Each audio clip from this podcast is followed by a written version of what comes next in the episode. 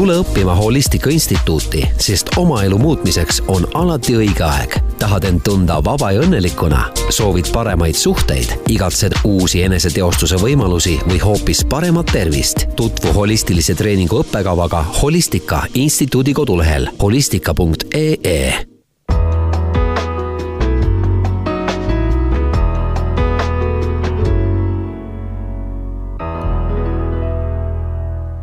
tervist teile, head kuulajad! Te kuulate taskuhäälingu saadet Tervist. minu nimi on Aive Mõttus, olen Maalehe ajakirjanik ja tervisetoimetaja. ja täna on mul saates külaline. etteruttavalt võin juba öelda, et meie eelneva vestluse põhjal on tegemist väga huvitava inimesega. tema nimeks on Marina Paula Ebert ja ta on Holistika Instituudi asutaja ja juhataja ning lisaks ka psühholoogia manist-, magister, tere! tere, Aive! no oleme me siia kokku tulnud kahekesi sellepärast, et rääkida inimese tervisest. ja teame väga hästi, et et inimese psüühika ja füüsiline tervis on omavahel üsna tugevalt seotud.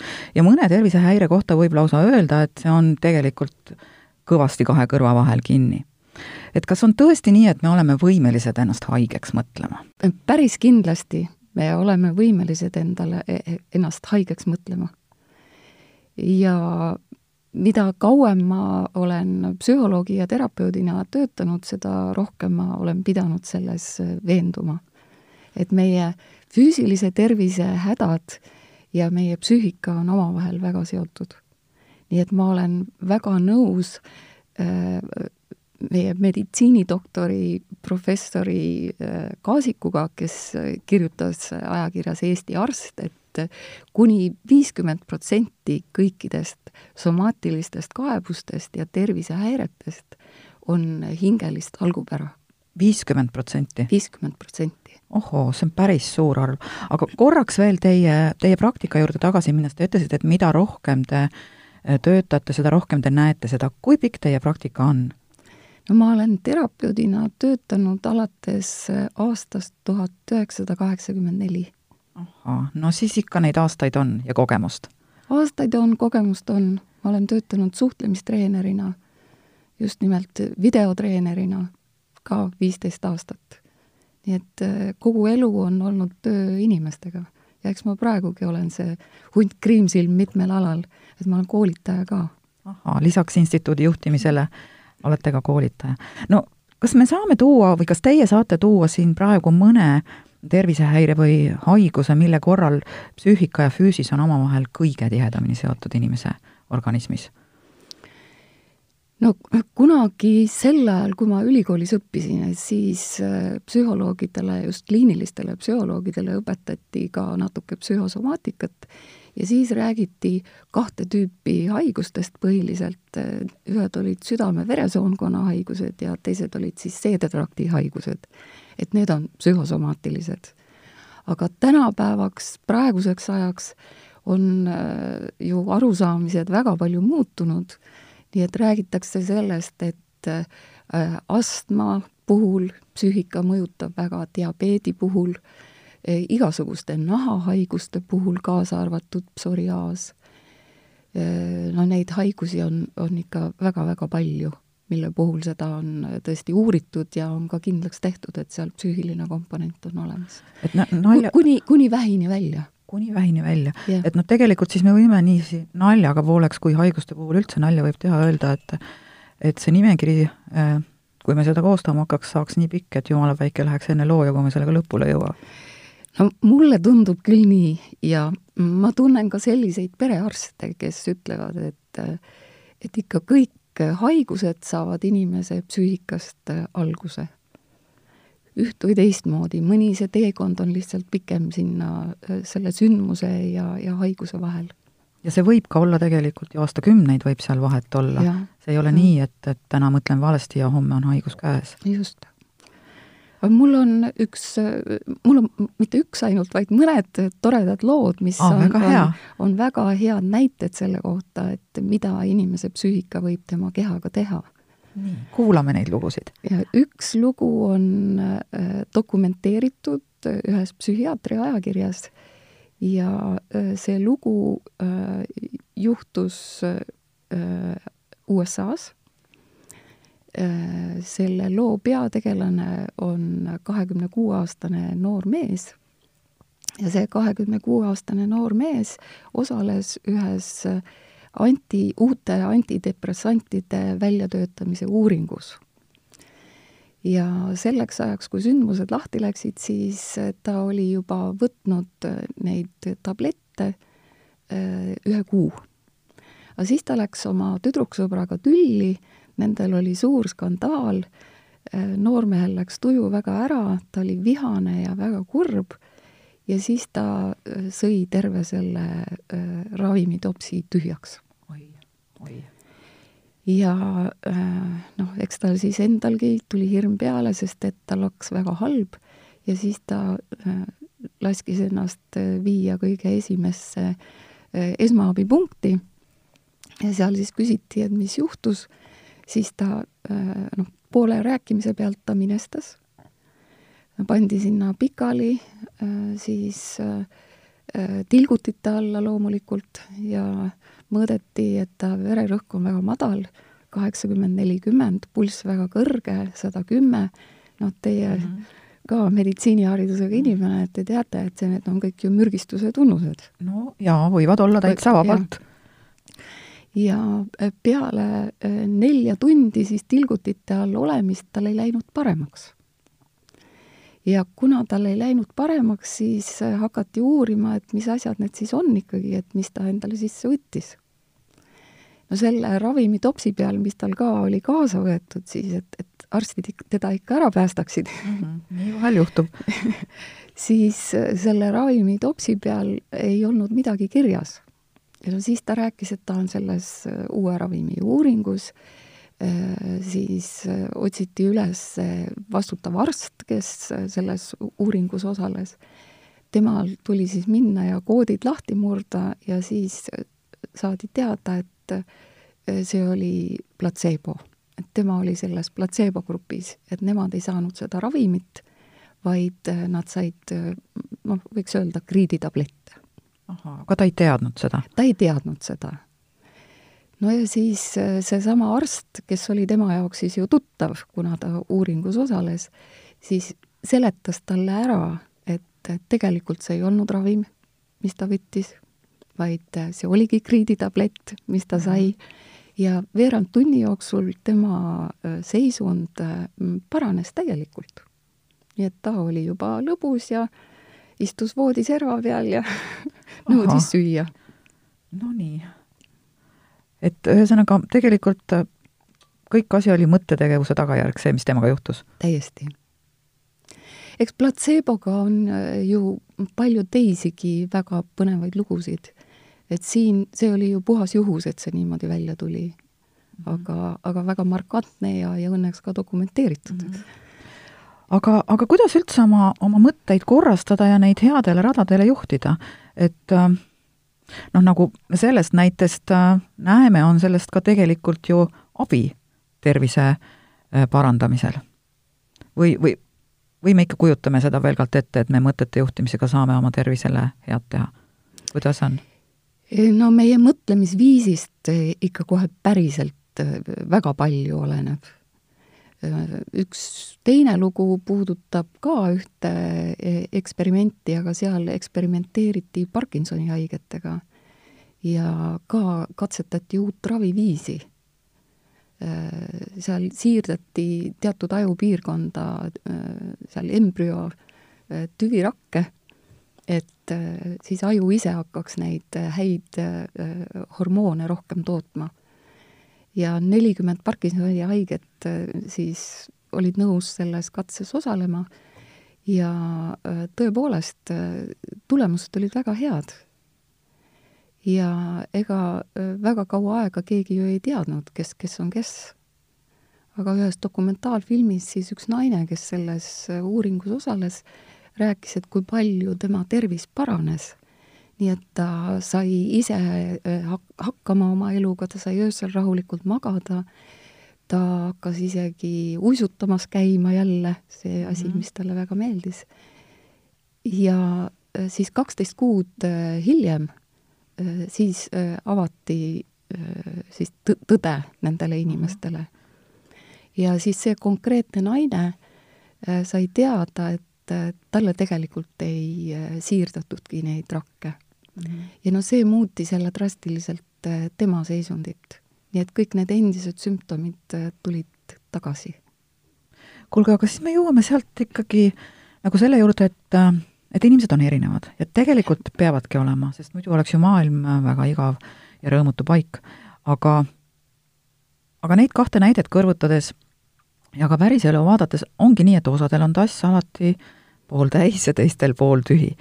et ja need pooltühja tassiga inimesed on, ongi noh, sellised tõesti, et nad kurdavad, kaeblevad, on negatiivismist tulvil ja, ja tegelikult nakatavad sellega ka teisi, sest kui su ümber ikkagi on hästi palju niisuguseid negatiivseid pooltühja tassiga inimesi, e, või kui ta, selline inimene juhtub olema sinu pereliige või sõber või sugulane, siis andke nüüd praktilist nõu. mida teha, kas püüda see inimene kuidagiviisi noh, paremate mõtete rajale juhtida või siis lihtsalt tema juurest ummisjalu e, põgeneda, et mitte seda negatiivsust endale külge saada? ma arvan, et ei peaks tegema kumbagi. ahhaa, aga mida siis peaks tegema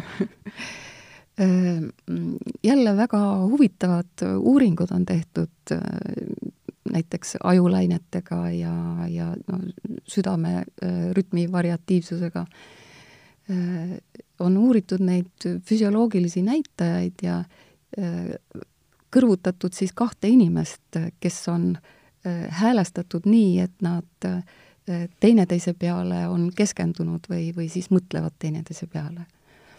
ja äh, ajulainete uuring näitab seda, et äh, selle inimese ajulained ja muud rütmid, kus on rohkem harmooniat mm, -hmm. et nemad, need mõjutavad äh, rohkem seda inimest, kes on disharmoonilisem ahah, et tegelikult on positiivse eluhoiakuga inimestel võimalik enese teadmata mõjutada näiteks negatiivse eluhoiakuga pereliikmeid? no me täiesti paratamatult mõjutame äh, üksteist. Äh, lihtsalt meie äh, see, see meie, meie ühine infoväli, et see ühendab meid ja, ja selle kaudu me oleme kogu aeg seotud nii et see on minu jaoks äh, olnud väga põnev lugeda just nimelt seda uuringut, et harmoonia mõjutab disharmooniat. aga kui see, kelle rütm on harmoonilisem, laseb ennast mõjutada sellest mm -hmm. teisest inimesest, siis nad lähevad mõlemad disharmooniasse. No vot, siit, siit ka minu järgmine küsimus, et, et kust, kust läheb see piir, äh, kui palju negatiivsust me võiksime oma ellu lubada või kas me kuidagi ise selle vastlikult tunnetame ära või pole meil üldse mingisugust võimu ja väge seda, seda piiri paika panna? no tänapäeval on moesõnaks lausa saanud äh, üks sõna, see on koherentsus. ahaa, mida see tähendab? koherentsus tähendab äh, ühtsust, terviklikkust, ühes, ühes rütmis olemist. et see mõiste on tegelikult füüsikast pärit, aga tänapäeval kasutatakse seda ka sotsioloogias ja bioloogias ja, ja psühholoogias, ka meditsiinis räägitakse koherentsusest. et see tähendab seda, et ühe süsteemi või ühe organismi erinevad osad, et nad on omavahel ühtses rütmis ja vot see, see ühtne rütm, seda nimetatakse koherentseks rütmiks. ja mis on sellest koherentsusest kasu, et inimene, kes on ise koherentses seisundis, ta on vastupidavam igasugustele häiringutele, mis tulevad väliskeskkonnast ja ka omaenda negatiivsetele äh, mõtetele ja tunnetele. Nii et see on jälle üks äh, väga huvitav asi, mis paneb mõtlema äh, sellele terviklikkusele et vot see on see holistiline mõtlemi-, mõtlemisviis. ma just tahtsin enne küsida, et kas kuidas see holisti, holistika ja koherentsus on omavahel seotud, aga nüüd me kuidagi loogiliselt jõudsimegi selleni välja. just. ja jah, no ma ei tea, kas te saite vastuse, et äh, mis os-, osaliselt võib-olla selle no ma arvan küll, et ma sain, et, et tegelikult ega mina sain sellest aru nii, et ega meil ei olegi vaja neid piire tõmmata, see koherentsus reguleerib ise asjad ära. Ilma, et me sellest äh, tegelikult aru saaksime, see, aga see kõik oleneb meie meelelaadist, kas ta reguleerib või mitte. just nimelt ja, ja see on jälle üks teema, millest tasuks rääkida. et üks on see, et, et kas optimistid, pessimistid, aga see ei ole mitte ainuke oluline tunnus sealjuures, et, et seal on veel väga olulisi nüansse võib-olla äh, räägiksime ühest Euroopa uuringust, kus on südame-veresoonkonna haigusi uuriti. ja see on brittide uuring, äh, seal uurimise alused olid kakskümmend tuhat äh, täitsa tervet normaalset inimest ja see oli pikaajaline uuring, nii et aastast üheksakümmend kuus kuni kaks tuhat kaks ja sellest kahekümne, kahekümnest tuhandest äh, selle aja jooksul suri üheksasada üheksakümmend neli inimest ja kolmsada kuuskümmend viis neist siis südame-veresoonkonna mhm. haigustesse.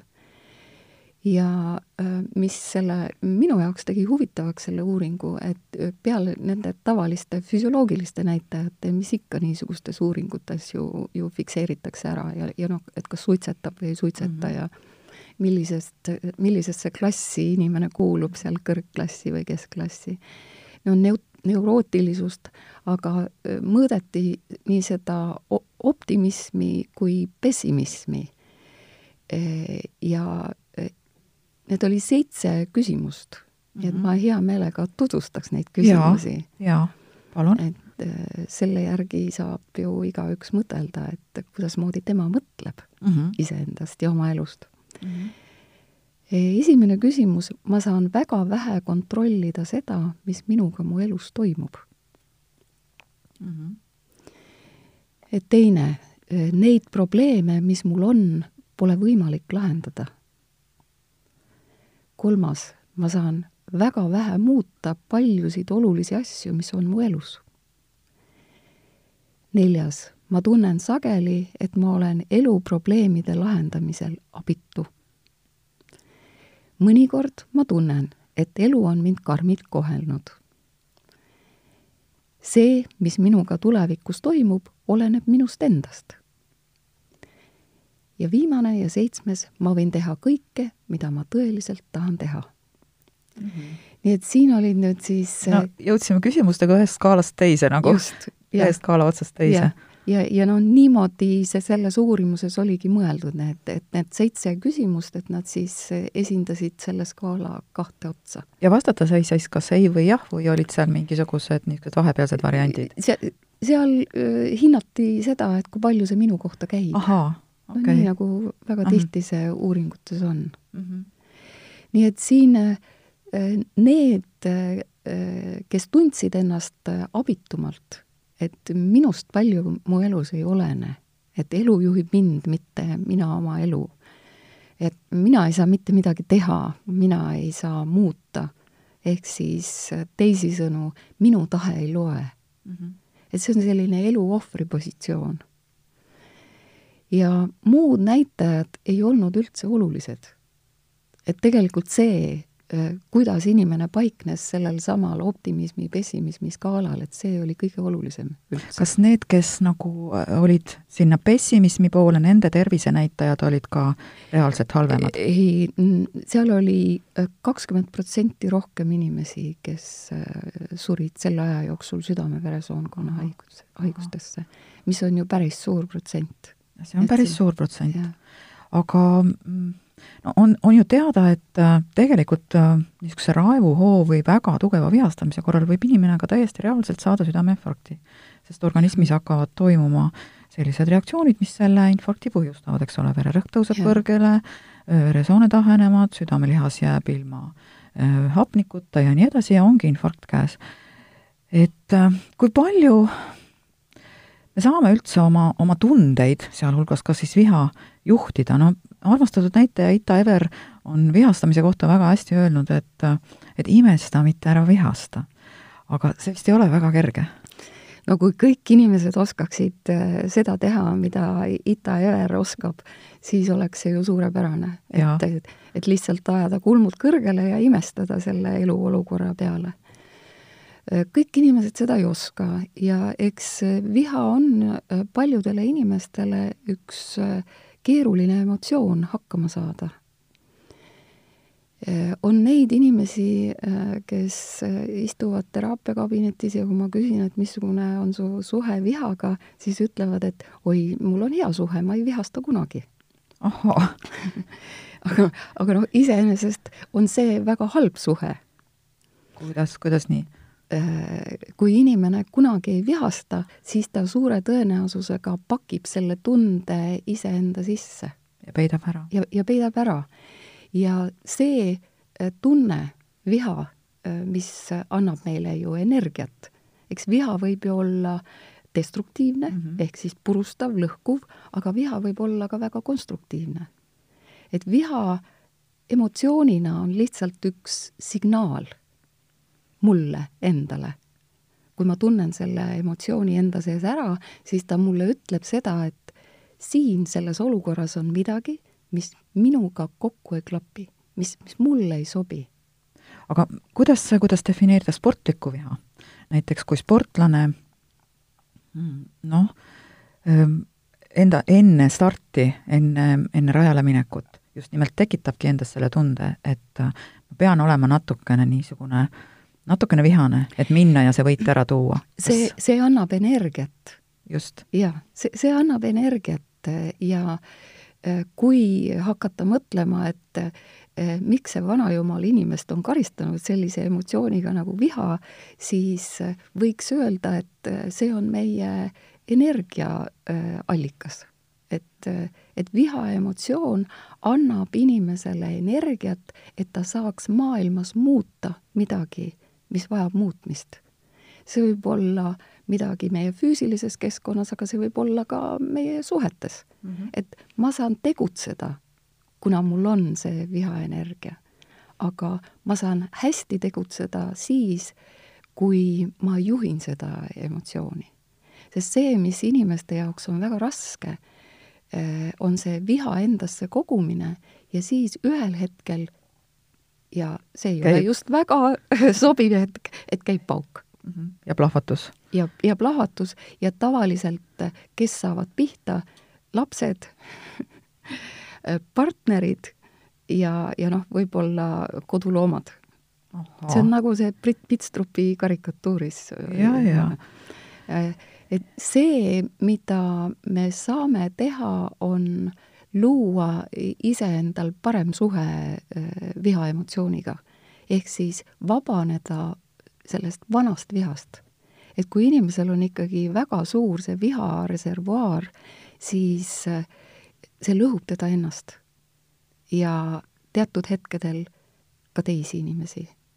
või siis, või siis olukordi, et eks, eks, eks on neidki, kes ka suh-, suhtest suhtesse jalutavad vihaselt minema mm. -hmm. lihtsalt löövad ukse kinni ja ütleb, et vot see mulle enam ei sobinud mm. -hmm. see ei ole väga konstruktiivne lähenemine. et tegelikult on võimalik õppida täiesti viha juhtima ja ka mitte pikalt viha pidama, nii-öelda see, see reservuaar, mis meis tegelikult kõigis olemas on, tuleb ikka osata tühjaks lasta?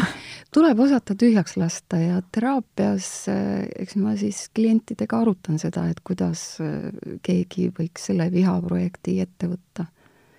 see on ja. kindlasti väga individuaalne iga inimese puhul. või on, või on no, teatud niisugused sarnased jooned on, ikkagi? on üks eh, väga oluline asi, mis seda teha aitab, see on füüsiline tegevus. ja see vana viha äh, no võiks öelda piltlikult ja otsesõnu, et see tuleks ikka välja peksta endast. ja, ja ega see terapeutiline viha maandamine, et see ei ole selline puhas metsik raev, mis noh, silme eest mustaks teeb, aga et ta peab olema siis eesmärgiga suunatud teatud asjadele, aga see on juba siis teraapia üksikasjad no on selliseid äh, haigusi, mis äh, minu psühholoogi ja terapeudi silma järgi äh, on väga seotud just nimelt sissepoole pööratud vihaga mm. -hmm. Üks, mis, mis need on näiteks? no näiteks depressioon et depressioonis inimene ei, ei tee oma elus neid muutusi, mida ta, mida tema hing või tema sügavam olemus tegelikult väga ei anuneks. Ta kas ei julge neid teha, ei oska teha, ühesõnaga ta tunneb ennast liiga jõuetuna või abituna selles olukorras, et neid muutusi teha kas, kas seal on ka mingisugune seos ajukeemia muutusega, mida depressiooni puhul oh, öeldakse, et on? jaa, loomulikult aga äh, eks me siin võime ju küsida, et kas muna või kana, et kumb, kumb on ennem mm. -hmm.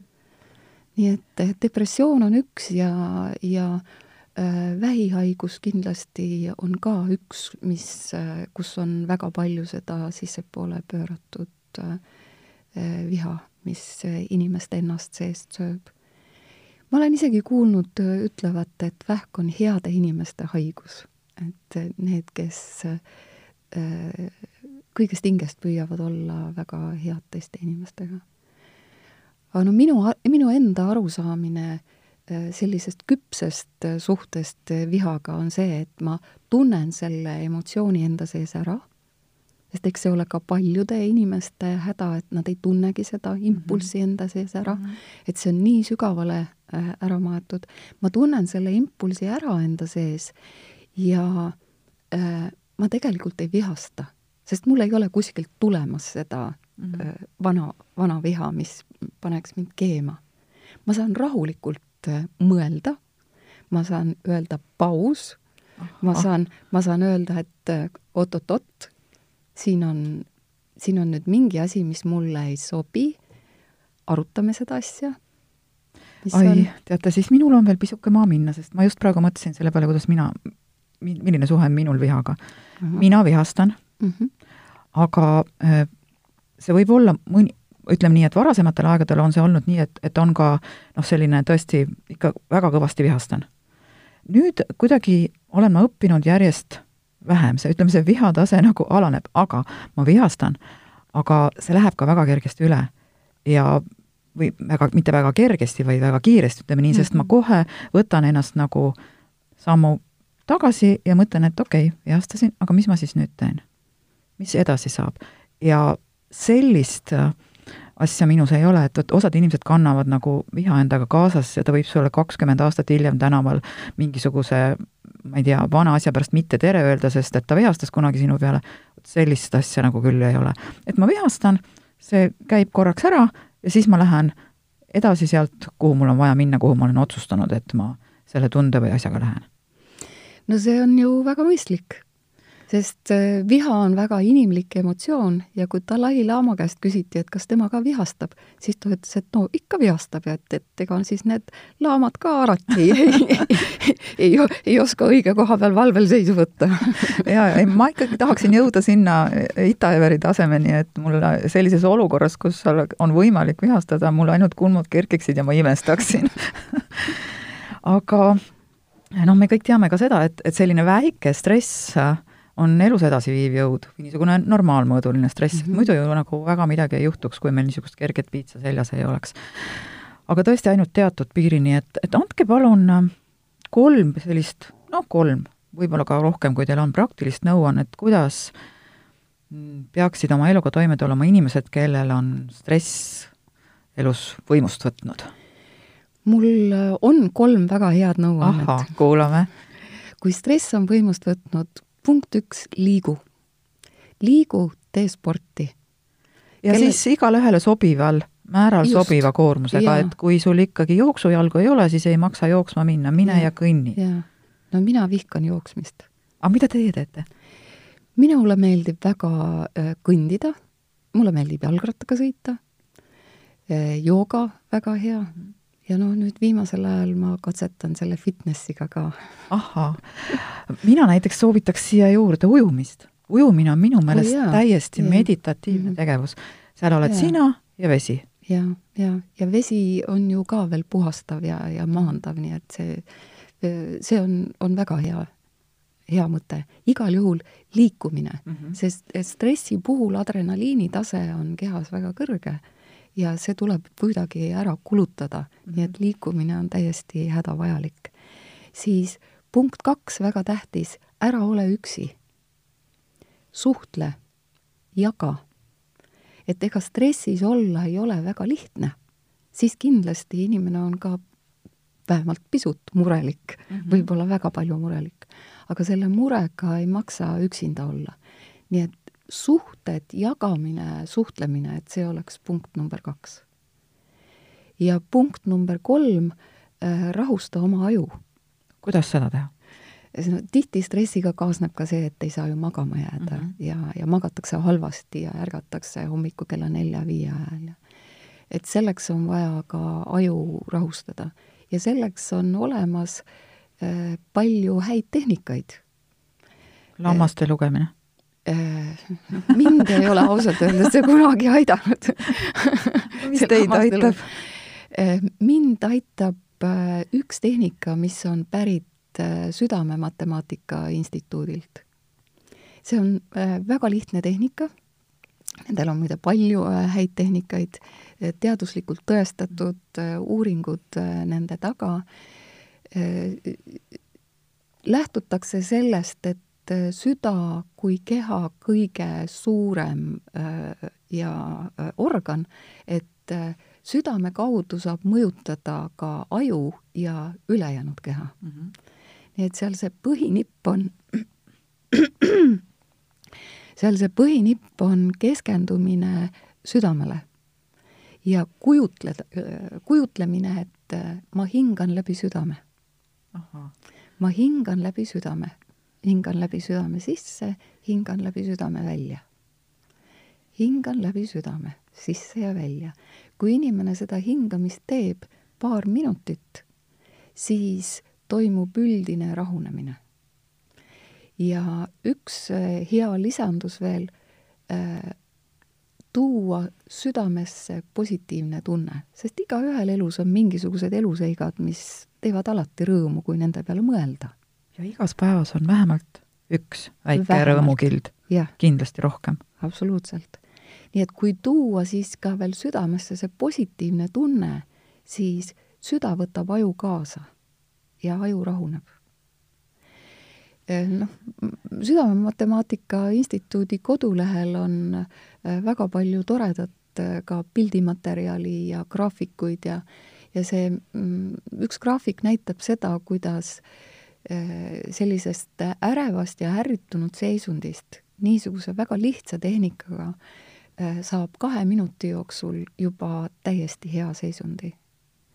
Ja kui und ei tule, siis see on ka väga hea, et lihtsalt võtta endale mugav asend sisse, mina tavaliselt siis pikutan voodis ja keskendun oma südamele, märkan seda, hingan, no ajul peab ju andma midagi teha mm, -hmm. sest muidu ta öö, ju mõtleb neid ja, mure, muremõtteid. päevaseid muremõtteid. jah, aga see südamele keskendumine, et see aitab just nimelt Äh, mõtteid koondada ja, ja ära viia. ja kuna keha rahuneb selle aja jooksul, siis äh, see on äh, üks hea viis, mis saab head und tuua. no meil on eestikeelseid väga häid juhitud meditatsioone, mis mm -hmm. aitavad inimesi ka päeva keskel lõõgastada mm, -hmm. päeva hästi alustada ilma stressita ja, ja ennast siis programmeerida positiivselt sellele päevakulule. ja päeva lõpetamiseks. no mina ise äh, olen äh, nüüd juba kaheksa aastat äh, olnud ühes tublis äh, naiskonnas nimega Salasõna. et meie oleme loonud selliseid äh, juhitud meditatsioone, mida inimesed saavad kuulata nii et panevad endale siis need kõrvaklapid või, või siis mhm. muumud kõrva mm -hmm. ja äh, saavad ka telefonist mm -hmm. kuulata igal vajalikul juhtumil mm, -hmm. ka keset tööpäeva, lihtsalt et hetkekski anda oma ajule puhkust või siis jah, päeva alustada või lõpetada. muide, see Südamematemaatika Instituudi tehnika on ka meil nii et mm -hmm. mina ise loen seda seal peale omaenda häälega no,. kindlasti te tekitasite minus huvi, ma kindlasti kuulan. aga nüüd üks olukord, mida tegelikult väga paljud inimesed oma elus kohtavad ilma, et nad seda tahaksid. ja mis tegelikult võib ka ikkagi väga suure stressi tekitada, mõtlemise täiesti sassi viia, et kuidas tulla toime teadmisega, kuidas elada teadmisega, et äh, ma põen haigust, millest ei ole võimalik terveneda? no mina olen see hull optimist ja äh, mulle on sattunud äh, ette ka selliseid uurimusi, mis ütlevad, et äh, ka mm, näiteks vähist võib terveneda. loomulikult neid, võib. Neid äh, ka viimasest äh, kõige raskemast staadiumist äh, võib veel haigus pöörduda. võib, aga ja. ei pruugi.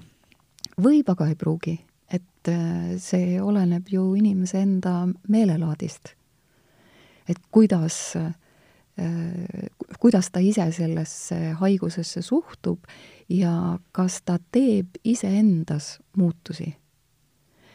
Äh, optimistidel läheb paremini ja nendel, kes suudavad revideerida oma elu ja, ja noh, mõelda, et kus maalt või, või mispärast asjad viltu läksid. et nendel võibki minna paremini. Aga eks eh, ilusasti lahkuda võib ka see, kes võtab selle eluväljakutse vastu ja ütleb, et niikaua, kui mul päevi on antud, niikaua ma äh, naudin seda, mis, mis mul on, seda aega. ja selline eksistentsiaalne olukord, kus äh, tõesti surm koputab uksele et võib anda inimesele veel väga ilusaid eluhetki. Et siis mõeldakse ju tihti, et mis on veel lõpetamata mm. -hmm. ja äh, just suhete valdkonnas on ju väga sageli neid asju, mis on klaarimata või lõpetamata ja, ja needki võivad tuua väga suurt äh, kergendust. aga on neid, kes on saanud oma eluvankri viia hoopiski äh, palju positiivsemasse suunda mm. -hmm. kahtlemata on. nii et see, see positiivne suund on eh, no mitte ainult surijate või raskelt haigete inimeste jaoks oluline, vaid inimeste jaoks üldse. sest sellega koos on ka eh, see tunne, et eh, mina ise juhin oma elu. et minust oleneb, mis edasi saab nii et ma ei tea, kui palju meil veel aega on, et kas me meie aeg on piiramatu. meie aeg on piiramatu internetis on mahtu küll, kuhu see saade üles läheb, nii et midagi ei ole piiratud. Ehm, mul on siin ehm, positiivse psühholoogia Martin Seligmani raamatust eh, seitse olulist väidet. Muide, ma ei tea, kas te olete kuulnud sellest õnneuuringust, millest vahepeal oli väga palju juttu siin meie kas see, millistes riikides elavad just, inimesed just, just. on kõige õnnelikumad? jaa ja, ja, no natukene ikka. jah, neid samu asju küsiti inimeste käest Aha. siis, aga noh, Martin Seligman äh,, positiivse psühholoogia rajaja ja, ja kõige suurem korüfee, et tema äh, Äh, ma ei tea, kui palju tema siis oli sellega seotud, aga mulle tundub, et oli, kuigi need uurimuse läbiviijad olid hoopiski Cambridge'i ülikoolist, mitte USA-st. Äh, ja äh, ta mõtestab lahti oma raamatus õitseng on selle nimi tegelikult mm, -hmm. mitte õnn, vaid, vaid õitseng, et ta ise alustas ka õnneuuringutest, aga ta jõudis sinnamaani välja, et Äh, see pidev õnnetunne ei peagi olema eesmärk, et tegelikult see, mis inglise keeles on flourish mm, -hmm. eesti keeles võib-olla, et siis õitseng või, mhm. või õitsemine, selline produktiivne äh, hea elu. et eks elu väljakutsed ei tee meid ju alati õnnelikuks, aga samas nad aitavad meid elus õitseda ja, ja kahtlemata. Need, need ületame, et võib-olla vaatame veel need ka läbi, et ahah, no teie äkki, juhtimisel. jaa, et äh, siis oleks ju väga tore, et äh, kui teie, Aive, hindaksite ennast, et kus no, te siis proovin. nende, nende küsimustega olete siis mm -hmm. kümne äh, palli skaalal. et punkt üks, mis on Seligmani arvates kõige olulisem, see on positiivne emotsioon elus. ja küsimus on selline, kui sa võtad arvesse kõiki asjaolusid, mis su elus on, siis kui õnnelik sa oled? Et ma pean ütlema praegu numbri ühest kümneni. üheksa hmm?. kindlasti. jah. väga, väga tubli tulemus no aga vaatame edasi, võib-olla ei ole üldse tulemused nii tublid. siis järgmine on huvi, huvitatus, kaasahaaratus. ja see väide on, mulle meeldib uusi asju õppida. no selle kohta ma ütlen küll kümme, kindlasti mm. -hmm. jah. mulle väga meeldib. jaa, ja eks see hoiab äh, inimesi ju heas toonuses. jaa, kahtlemata. Et, et ma arvan, et Ita Everile ka meeldib kindlasti, kindlasti, ma teda küll ei tunne, aga, aga sellest, mis ma ajakirjandusest olen tema kohta lugenud, siis kindlasti ma usun seda. Äh, siis tähendusrikkus või siis äh, elus oluline eesmärk. Ja väide on see, enamasti tunnen ma, et see, mida ma oma elus teen, on väärtuslik ja tasub vaeva kas nüüd üheksa või kümme? teate, ma ütlen siia ka kümme, sellepärast et, et see on nii. jah. ma ei tee asju, mis, mis on väheväärtuslikud, miks ma peaksin neid tegema? noh, väga hea et kui, kui inimesed tõesti julgeksid oma elus teha neid valikuid, et, et, et teha seda, mis tundub iseendale olevat väärtuslik, et siis ilmselt oleksid tervised ka palju paremad. et siis inimene oleks lihtsalt iseendaga rohkem kooskõlas mm. -hmm. siis järgmine, vot need esimesed kolm, et need mm -hmm. olid, need on Seligmani arvates see baas, kõik, kõige hea, hea tervis kaasa arvatud baas. siis järgmine on enesehinnang.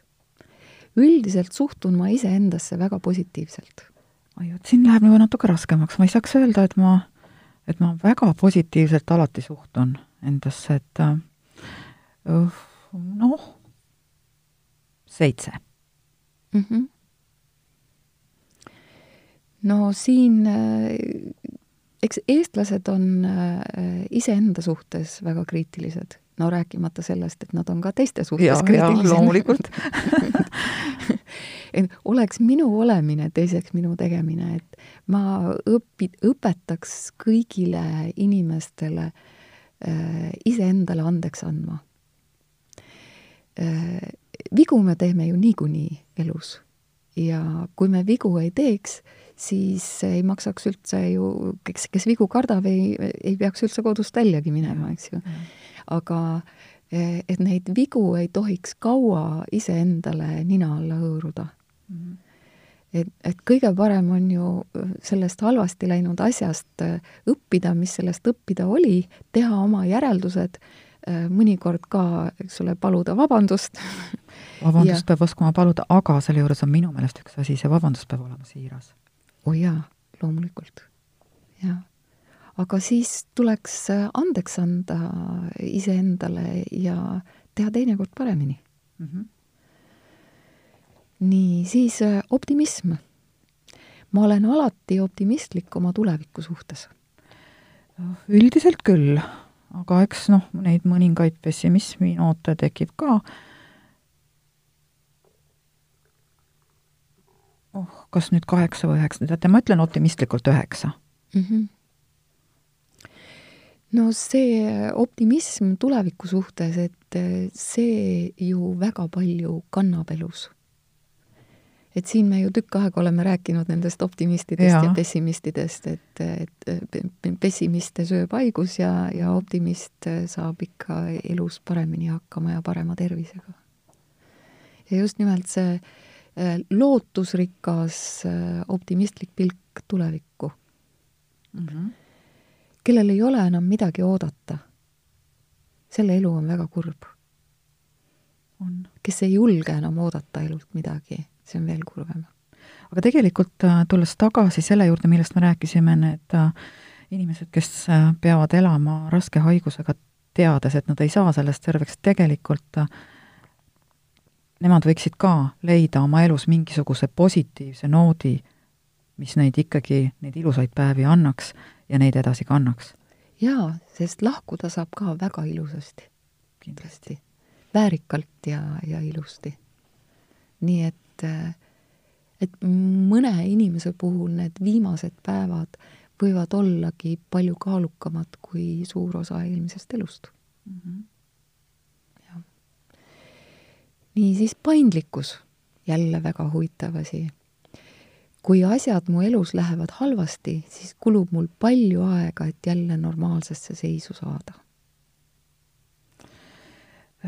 vot siinkohal ma tahaksin panna siia hästi väikese numbri, sellepärast et äh, mina olen seda meelt, et äh, kui on probleem, siis tuleb see ära lahendada. mitte sellele otsa vahtida või pealiiva alla peita ja mõelda, et äkki see probleem läheb minust mööda. ei lähe. et äh, võib-olla ma näin nagu liigselt optimistlik, aga kui ma siia ühe kirjutan või, või ütlen teile, aga no kaks kindlasti ei no te võite ühe ka siia vabalt panna, sest see ongi pöördskaalaga. jah ja., just. et teised, teised olid äh, kõik jaa, teised olid teistpidi. jaa, teised, teised olid teistpidi skaalaga. et, äh, et, et ma ikkagi üritan ennast suhteliselt kiiresti normaalsesse seisu saada, kui midagi läheb halvasti ja.. jah, jah. ja, ja see ongi elus ju tähtis. et äh, komistad ja kukud, aga siis püüd põlved puhtaks ja elu läheb edasi. et, et just nimelt see paindlikkus on see, mis äh, annab elule paremat kvaliteeti. ja äh, viimasena, aga mitte äh, üldse kõige vähem tähtis, positiivsed suhted. et mu elus on inimesi, kes minust päriselt hoolivad. on, kohe kümme kindlasti on neid inimesi mm. -hmm ja on inimesi, kellest ka mina väga päriselt hoolin jah, ja, ja see on ju rikkus meie elus, meie mm, meie suhted ja, ja need inimesed, kes, kes toetavad meid igapäevases elus, kes, kes mõistavad nii heas kui halvas ja kellega koos saab palju nalja. Just, nali on alati oluline ja huumor ja rõõmus meel sinna juurde. et äh, tegelikult, head raadiokuulajad, kuna te nüüd kuulsite, kuidas me neid küsimusi siin üksteiselt küsisime, õieti minult küsiti, siis, äh, siis te saate ka ise selle läbi mängida täpselt ja panna siis endale neid punkte skaalal ühest kümneni ja vaadata, äh, kui positiivne inimene teie olete. aga saate lõpetuseks veel ühest asjast, äh, mis mõnikord mind päris vaevab kohe, on see, et meedia on täis igasuguseid paremaks inimeseks saamise kursuste kuulutusi. ja, ja noh, neid tõesti pakutakse palju, aga kuidas tavaline inimene, kes äh, asjast suurt ei jaga, kuidas ta saaks vahet teha, kas tõesti on tegemist millegi asjaliku ja kasulikuga või, või on äh, siis äh, mõttetu aja raiskamine või siis nagu öeldakse mõnikord ka, et, äh, et tegemist on kursusega või koolitusega, mis, mille eesmärgiks on lollidelt nende raha ära võtta. et kas, kas üldse on võimalik neil asjadel vahet teha? Teil on väga pikaajaline kogemus ja mul on pikaajaline kogemus koolitajana küll ja ma ise ju ikka käin koolitustel ka. ma arvan, et erinevaid koolitusi on vaja, sest inimesed ja nende vajadused on väga erinevad. ja ma ei oska öelda seda, et nüüd mõni koolitus oleks nüüd väga halb, sest ma põhimõtteliselt, ma ei usu inimestest halba -hmm. et kes on viitsinud juba ühe koolituse kokku panna, siis tal on ikkagi mingisugune hea kavatsus ja mingisugune sõnum, mis ta tahab äh, sellega edasi anda. kas ta seda nüüd oskab kõige paremal moel? Äh, see on iseküsimus. kas see on äh, kõige paremini üles ehitatud koolitus? vahetevahel tõepoolest ei ole. kas see on kõige paremini ette valmistatud koolitus? Ka mõnikord ei ole. mida ma võin soovitada, et kohtuge koolitajaga kohtuge koolitajaga ja, ja noh, nii nagu me Holistika Instituudis teeme, et me teeme selliseid äh, tasuta äh, avatud õhtuid, kus inimesed saavad tulla, me räägime sellest koolitusest ja nad saavad ise vaadata, et mis inimesed need siis on, kes koolitavad. mis juttu nad räägivad, millesse nad usuvad, millised nende väärtused on ja ma arvan, et see oleks küll üks viis, mismoodi võiks seda asja enda jaoks selgemaks saada. no minu meelest on see ka täitsa tore viis tegelikult ja ja see ongi niisugune kena lõpetus meie tänasele saatele, tänan teid, Marina-Paula Ebert, Holistika Instituudi asutaja ja juhataja ja psühholoogia magister, mul oli teiega väga tore vestlus ja ma loodan, et raadiokuulajad seda ka nautisid. ja aitäh teile ka, Aive! head kuulajad, te kuulasite taskuhäälingu saadet Tervist. saate leiate Delfi podcastide pesas tasku, nutirakenduste Spotify, Apple Podcast, SoundCloud ja teised. hakake jälgijaks ja kuulake just teile sobival ajal. ettepanekuid teemade kohta, mida saates käsitleda, ootan teilt e-posti teel aadressil tervist.maaleht.ee. minu nimi on Aive Mõttus, olen Maalehe ajakirjanik ja tervisetoimetaja. tervist teile!